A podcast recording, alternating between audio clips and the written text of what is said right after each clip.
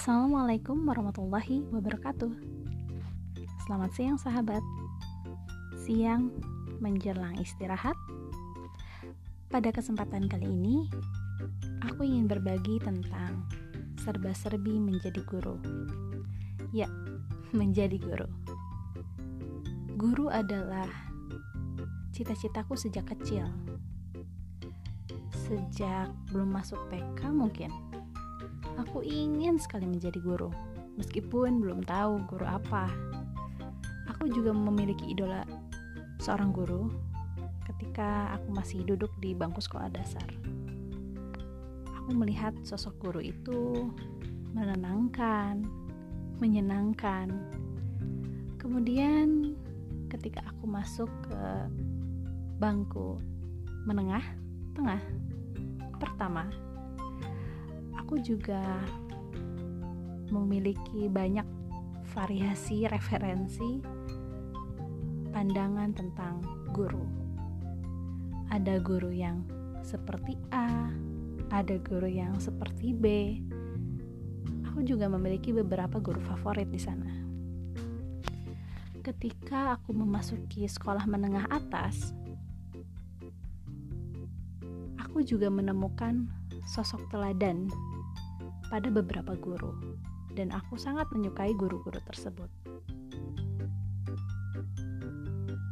Ketika di tahun akhir menengah atas,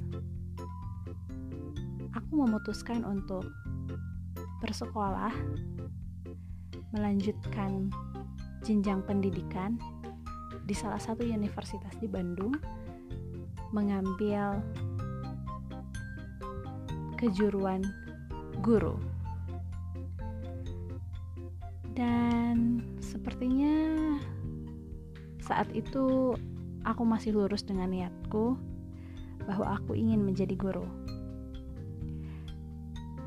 Empat tahun berselang, aku berada di akhir semester. Aku mengajar anak-anak, bahkan jika saat sekolah menengah pertama dan saat uh, sekolah menengah atas aku hanya mengajar satu jenjang di SD saja, anak-anak SD saja mengajar mereka mengaji. Di tahun terakhir aku kuliah, aku bahkan diberi kepercayaan untuk mengajar semua jenjang. Betul-betul semua jenjang jenjang TK, SD, SMP, SMA, bahkan mahasiswa. Setelah aku menyelesaikan studiku di Fakultas Keguruan. Itu menjadi pengalaman yang sangat luar biasa. Aku menemui banyak hal yang belum pernah aku temui sebelumnya bagaimana aku harus memahami karakter anak TK, anak SD, SMP, SMA, dan mahasiswa. Tentunya pendekatanku terhadap mereka berbeda-beda. Jangankan berbeda jenjang, di satu jenjang pun setiap anak itu memiliki karakter yang berbeda-beda karena kita tahu bahwa setiap anak itu unik pendekatanku kepada anak TK tentunya dengan banyak bermain, bernyanyi, membangun kedekatan. Untuk adik-adik atau murid-muridku yang di SD mungkin tidak jauh berbeda, tapi aku sudah mulai bisa memberi instruksi untuk mereka kerjakan soal untuk mereka mengerjakan satu dua hal, mereka sudah bisa diberi instruksi. Berbeda lagi dengan anak-anak remaja di sekolah menengah pertama. Aku mendekati mereka dengan kisah-kisahku dahulu, dengan hal-hal yang kekinian, dengan hal yang bisa mereka terima dan mereka merasa aku masuk ke dunia mereka aku bukan seorang guru, tapi aku seorang contoh, leader mungkin, atau teman untuk mereka. Teman dalam arti di, di beberapa kesempatan. Berbeda lagi dengan sekolah menengah atas dan murid-muridnya. Pendekatanku dengan mereka menjadi seorang yang dewasa. Aku memposisikan mereka sama. Mereka adalah anak-anak yang dewasa, bukan anak-anak bahkan, seorang dewasa. Jadi aku memposisikan mereka dengan sama-sama menjadi orang dewasa. Aku mengenalkan bagaimana tanggung jawab, bagaimana konsekuensi, bagaimana adanya reward, dan lain sebagainya. Pun dengan mahasiswa, aku menggait mereka. Seolah-olah aku hanya tour guide, bukan seorang guru. Dari kesemuanya, dari pendekatan semuanya, dapat ditarik satu kesimpulan bahwa untuk mendekati setiap anak, kita perlu membuatnya jatuh hati dulu kepada kita, membuatnya nyaman terhadap kita, membuatnya percaya kepada kita bahwa kita itu bukan ancaman, bahwa kita itu bukan monster, bahkan kita harus menanamkan kepercayaan bahwa kita adalah teman untuk sharing mereka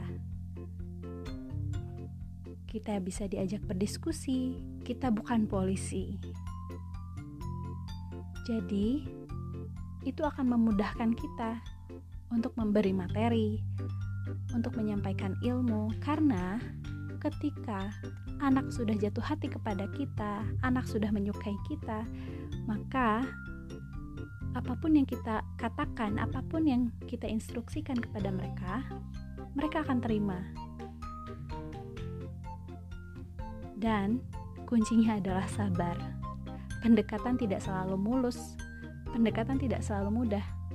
Ada satu kejadian di mana saat pertemuan pertama aku mengajar siswa anak kelas 4 SD. Dia terhitung anak yang cukup uh, cerdas, tapi dia juga agak sedikit butuh adaptasi di awal. Di awal pertemuan dia tidak ingin belajar. Dia hampir-hampir nangis karena dia mungkin merasa aku orang baru, kemudian aku biarkan dulu dia menerima keadaan baru. Aku pelan-pelan ajak dia berkenalan, mengajak dia menonton video terlebih dahulu dan akhirnya butuh 30 menit sampai mungkin 45 menit dia bisa menerima bahwa aku adalah teman barunya bukan guru yang dia takuti.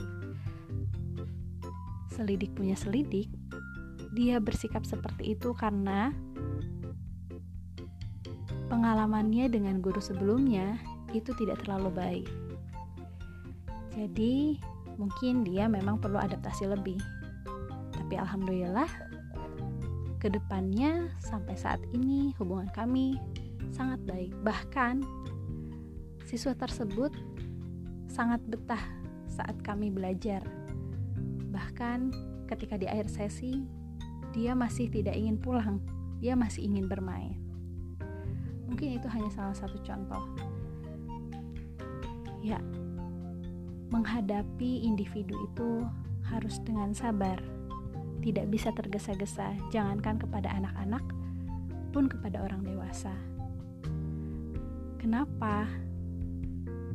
Kita adalah partner, partner orang tua dalam mendidik anak.